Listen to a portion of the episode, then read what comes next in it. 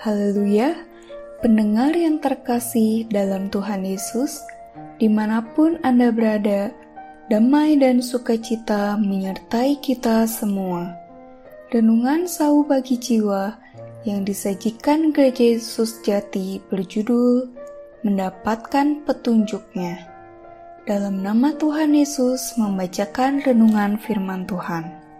Setiap kali Apabila hari-hari pesta telah berlalu, Ayub memanggil mereka dan menguduskan mereka.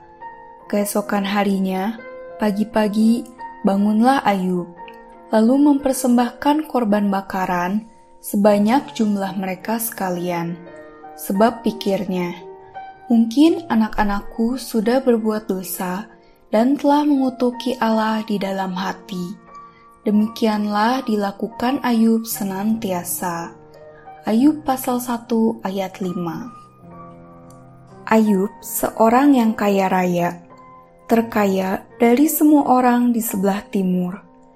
Yang luar biasa padanya adalah dia tidak suka pesta pora karena kekayaannya. Sebaliknya, dia saleh dan jujur. Ia takut akan Allah dan menjauhi kejahatan.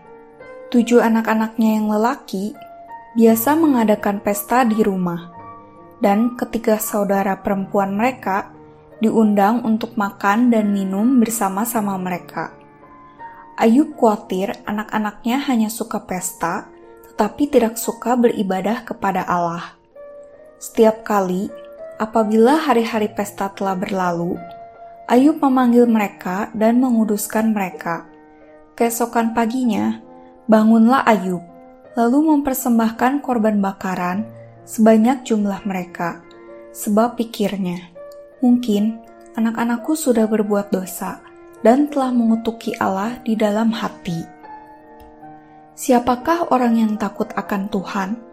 Kepadanya, Tuhan menunjukkan jalan yang harus dipilihnya. Tuhan bergaul karib dengan orang yang takut akan Dia, dan perjanjiannya diberitahukannya kepada mereka. Mazmur pasal 25 ayat 12 dan 14. Ayub takut akan Allah dan bergaul karib dengan Allah. Maka Allah menunjukkan jalan yang harus dipilihnya dan memberitahukan perjanjiannya. Karena itu, Ayub mempunyai hikmat rohani. Dia sadar anak-anaknya yang suka berpesta pora hanya suka makan minum, tetapi tidak suka mencari Allah dan akan mudah melakukan dosa. Kita bisa bayangkan, Ayub sungguh luar biasa. Sebagai orang kaya, dia tidak menjadi sombong karena kekayaannya. Sebaliknya, dia menguatirkan iman kepercayaan anak-anaknya dan senantiasa berdoa untuk mereka. Marilah kita belajar pada hikmat rohani Ayub senantiasa memperhatikan iman anak-anak kita, berdoa siang malam agar sumur hidup mereka tidak meninggalkan Allah. Tariklah pelajaran dari perumpamaan tentang pohon ara. Apabila ranting-rantingnya melembut dan mulai bertunas, kamu tahu bahwa musim panas sudah dekat. Markus pasal 13 ayat 28. Ya memang, segala sesuatu selalu ada petunjuknya. Seperti kalau kita melihat ranting pohon ara lembut dan mulai bertunas, ini adalah petunjuk bahwa musim panas sudah dekat.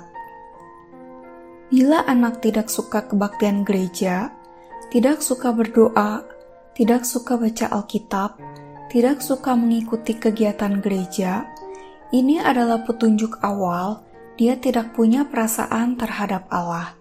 Selangkah demi selangkah, dia akan meninggalkan Allah. Kita harus belajar mendapatkan petunjuk dari hal-hal kecil untuk mengetahui keadaan imannya. Hendaklah kita siang malam mengajaknya dekat kepada Allah, memohon Allah memberi pengalaman hidup agar imannya berakar, dapat seumur hidup takut akan Allah sadarlah dan berjaga-jagalah. Lawanmu si iblis berjalan keliling sama seperti singa yang mengaum-aum dan mencari orang yang dapat ditelannya. 1 Petrus pasal 5 ayat 8 Zaman sekarang ini adalah jahat, penuh dengan segala macam pencobaan dan godaan. Iblis berjalan keliling sama seperti singa yang mengaum. Anak kita yang terbiasa hidup nyaman dan tenggelam di dalam kesenangan dunia akan mudah sekali menjadi mangsa ditelan iblis. Sebagai orang tua, kita harus mencontoh Ayub senantiasa memperhatikan iman anak-anak dan menemani mereka menempuh jalan menuju kerajaan surga. Tuhan Yesus menyertai kita semua. Amin.